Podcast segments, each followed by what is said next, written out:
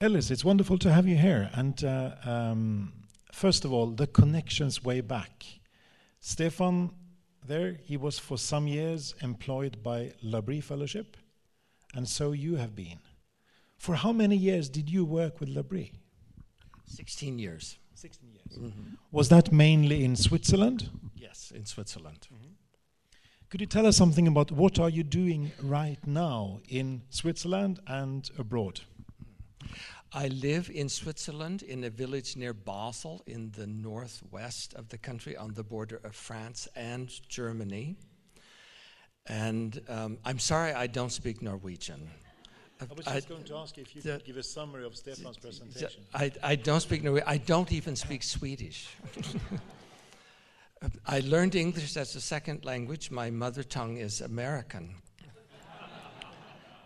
But we, we see how we do. I think most of you will understand my, my English. I live in Switzerland since 1975. I worked for 16 years at Labrie Fellowship with Francis Schaeffer, and then I became a pastor in Basel in 1991. And I worked for the church in Basel for 10 years, and then I worked more as an independent traveling missionary preacher teacher. Nine years ago, I became a pastor of a church in Lausanne, but I'm a minimalist pastor. I only go twice a month. And in between, I travel quite a bit, and I do a little bit of writing. So that's my life. And before, uh, some words about your two books here that is on sale tonight, and we are privileged to have you with us. And, and uh, um, yes, both of them. Yeah, yeah. Um, when you first came to Labrie, you were not a Christian. No. Could you t- tell us something about that story? You know, just a few glimpses. So, why did you come to Labrie in the first place?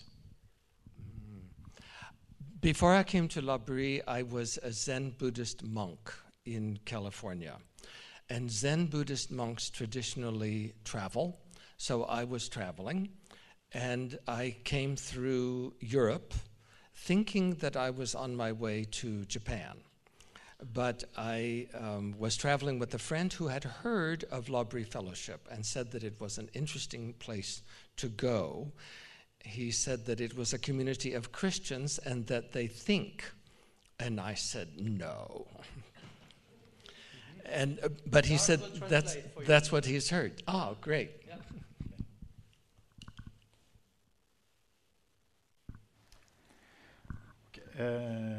ja vel. Okay, good.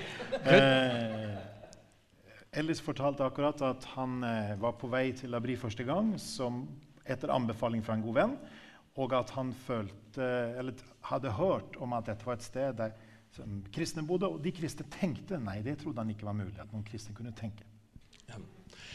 So we went, and I didn't like it uh, because there was a lot of noise. Jeg likte ikke dette fordi det var så mye lyd og støy. People were talking all the time. And I thought a spiritual life was silent. Og folk snakket hele veien. Jeg trodde at et, et åndelig liv det var jo å være i stillhet. I stayed and studied at Labrie, and eventually it became clear to me that it takes less faith to believe in Christianity than to believe in anything else. Så jeg ble igjen på Labri og begynte å, utforske, studere, og jeg skjønte etter hvert at det krevde mindre tro å tro på kristen tro enn tro på alternative livssyn. It doesn't take no faith, it needs faith to believe in Christianity. Det er ikke det at det ikke krever noen tro i hele tatt, But Christianity makes so much sense and it answers so many of the questions of life that it takes less faith to believe in Christianity than anything else. Det er ikke det at ikke det er spørsmål som er igjen, men kristen tro gir mye mer mening enn noe annet livssyn, og derfor så krever det ikke så mye tro som andre livssyn. So I became a Christian. Så derfor ble jeg en kristen. Uh, Ellis, uh, this is now your second book that is out in a trilogy, we hear. Uh, the first book was called Three Theories About Everything, and Björn introduced something about that. But this second book, how do we know that? Så jeg spør Ellis her, din første bok var Tre teorier om alt, og nå er det boka Hvordan vet vi dette? Hvorfor skrev du denne boka? Why did you write this book? How do you know that? By the way, do you know why you wrote it? Eh, vet du hvorfor du skrev den? Ja. In part, I, I know in part why I wrote it. I, I wrote the book because I think every person asks this question How do you know that? Jeg skrev den fordi hver person spør spørsmålet hvordan vet vi? We begin when we're about two years old. Vi begynner når vi er ca. to år gamle. How do you know that? Hvordan vet vi noe? And I, I wrote it because people divide their knowing into separate compartments. Og jeg skrev det fordi folk deler opp dette med å vite i forskjellige deler eller avdelinger. And they develop the cognitive dissonance that Stefan was talking about. Og Derfor utvikler de denne kognitiv dissonansen som Stefan snakket om. And they are actually divided I'm in impressed. You were themselves. listening. I You was, were- I was listening. Yes, Yes, I yeah. don't understand any normal language, but I was paying attention. Ok, Så eh, han- han skjønte noe. Ja. okay. so I, I'm concerned that people be healed and made whole in their knowing. Så jeg er opptatt av at vi skal bli helbredet og komme frem til en helhet i vår kunnskap. So this book talks about different ways of knowing. Så denne boka taler om ulike måter å forstå det å vi, Hvordan vet du noe? It talks about knowing that we like chocolate. Det å vite at vi liker er glad i sjokolade. How do we know that? Hvordan vet vi det? We know it by experience. Vi vet det ut fra erfaring. And it is a true knowledge. Og det er en sann eh, kunnskap. And you can't even discuss it. Du kan til og med, det er umulig å diskutere det. And, and I want to know do you know that 2 plus 2 is 4? Vet du f.eks. at 2 pluss 2 er 4? How do you know that? Hvordan vet du det? You know it logically by a method. Du vet det logisk ut fra en metode. And that is also a true knowledge. Og det er også sann kunnskap. But you don't know what 2 plus 2 tastes like. Men du vet ikke hvordan to pluss to smaker. You don't have that kind of Det er ikke den type erfaring vi har når vi snakker om to pluss to. But you know it truly. Men du vet det virkelig på en sann måte. Do you know that you stop at the red light and go at the green light? Du vet, eh, eller rett sagt vet du, at du skal stanse på rødt lys og kjøre på grønt. You, you do that in Norway, don't you? Yeah, Okay, yes. How do you know that? Hvordan vet du det? It's not logical. Det er ikke logisk. Red is a hot, active color, and it means go. Rød er en aktiv, varm eh, handlingsfarge, og det sier jo egentlig 'kjør i vei'. Green is a cool, quiet color, and it means rest. Så grønn er jo egentlig en kjølig, eh, avslappende farge og sier jo egentlig 'hvil'. So we don't know it logically. Så vi vet jo ikke dette ut fra logisk tenkning. We know it traditionally or culturally. Vi vet ut fra tradisjon eller kultur. But we truly know it. Men vi vet det virkelig. And if we don't know it, we won't be able to drive a car. Om vi ikke vet det, så vil vi ikke være i stand til å kjøre en bil. So we know chocolate, we know 2 plus 2, and we know red light, green light Ok, Så vi vet noe om sjokolade, 2 pluss 2 og rødt og grønt lys. in very different ways, På veldig ulike måter vet vi dette. and they need to belong together in our life. Og dette skal vi ikke holde atskilt fra hverandre, men vi trenger å holde det sammen i våre liv. How many of you know that your friend likes you? For mange av dere vet at våre venn er glad i deg. At min, min venn eller din venn virkelig eh, er glad i oss. Bjørn knows this.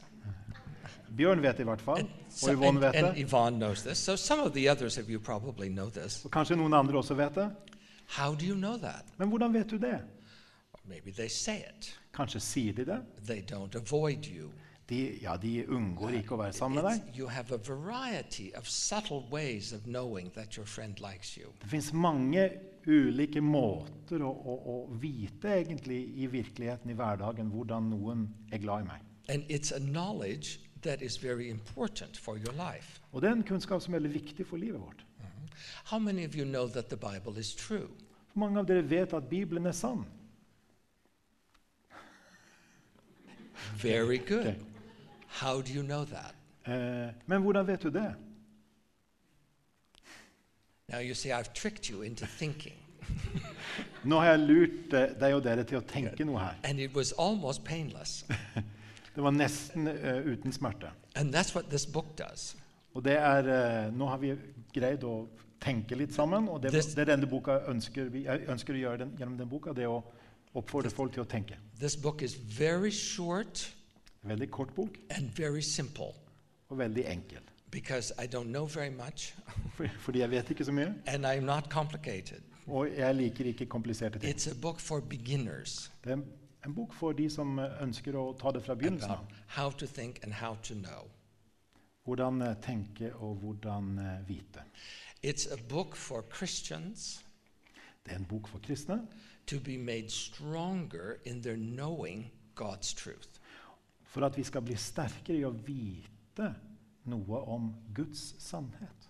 And it's a book for Christians to give to non Christians so that they can be invited into a fuller knowing in their lives. Og det er no, en bok som vi som kristne kan gi til ikke-kristne eh, for å invitere folk inn til å få en større og mer fyldig, fyldig bilde av hva det vil si å vite.